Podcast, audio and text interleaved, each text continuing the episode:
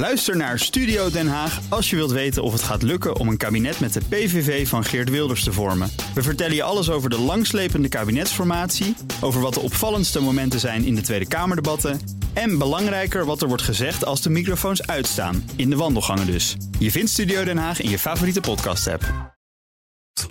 De column van Jaap Jansen. John Lennon zong het al. A working class hero is something to be. Ik moest eraan denken toen Mark Rutte in Spijkerbroek en op Gimpies het podium beklom van het VVD-festival. Voor mensen die even niet opgelet hebben, festival is wat ze bij de VVD vroeger congres noemden. Voor tegensputteraars als Frits Bolkestein en Hans Wiegel hadden ze in een hoekje een lounge neergezet met Chesterfield-banken. Het liberale huis heeft vele kamers. Normaal als je Mark Rutte in Spijkerbroek ziet, is het weekend of campagnetijd.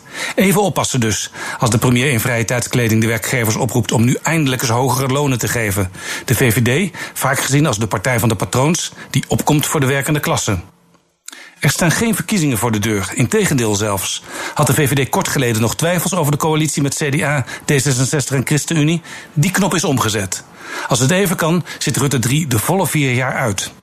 Fractievoorzitter Klaas Dijkhoff heeft zowel voor de partij als voor de coalitie een discussiestuk geschreven om de VVD en de samenwerking nieuwe dynamiek te geven. En eindelijk is er ook, door de nood gedwongen, een uitgestoken hand naar de constructieve oppositie. Voor het pensioenakkoord was Rutte 3 tot veel bereid. Om de dominante positie in het politieke landschap niet te verliezen, sluit de VVD zich als laatste in een lange rij nu ook aan bij de roep om meer ruimte voor de middenklasse. Jaren geleden was Jesse Klaver de eerste die aandacht vroeg voor de scheefgroei tussen de 1% die wereldwijd een fors deel van het vermogen in bezit heeft en de rest die het met veel minder moet doen. De GroenLinks-leider haalde de Franse econoom Thomas Piketty naar de Tweede Kamer, de SP verbaasd passerend. Inkomenspolitiek, daar waren alleen de radicale socialisten toch nog mee bezig?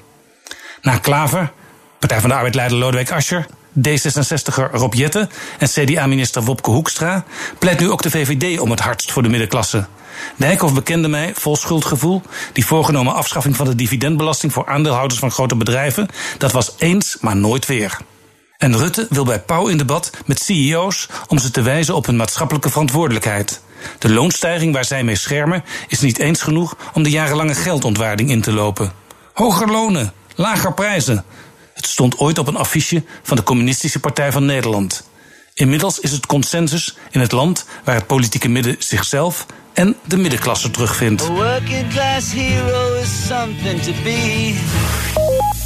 Op bnr.nl en in de BNR-app vind, BNR vind je meer columns en podcasts. Deze was van uh, Jaap Jansen natuurlijk.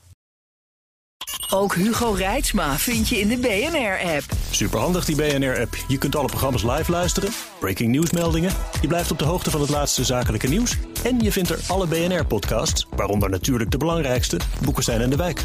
Download nu de gratis BNR-app en blijf scherp.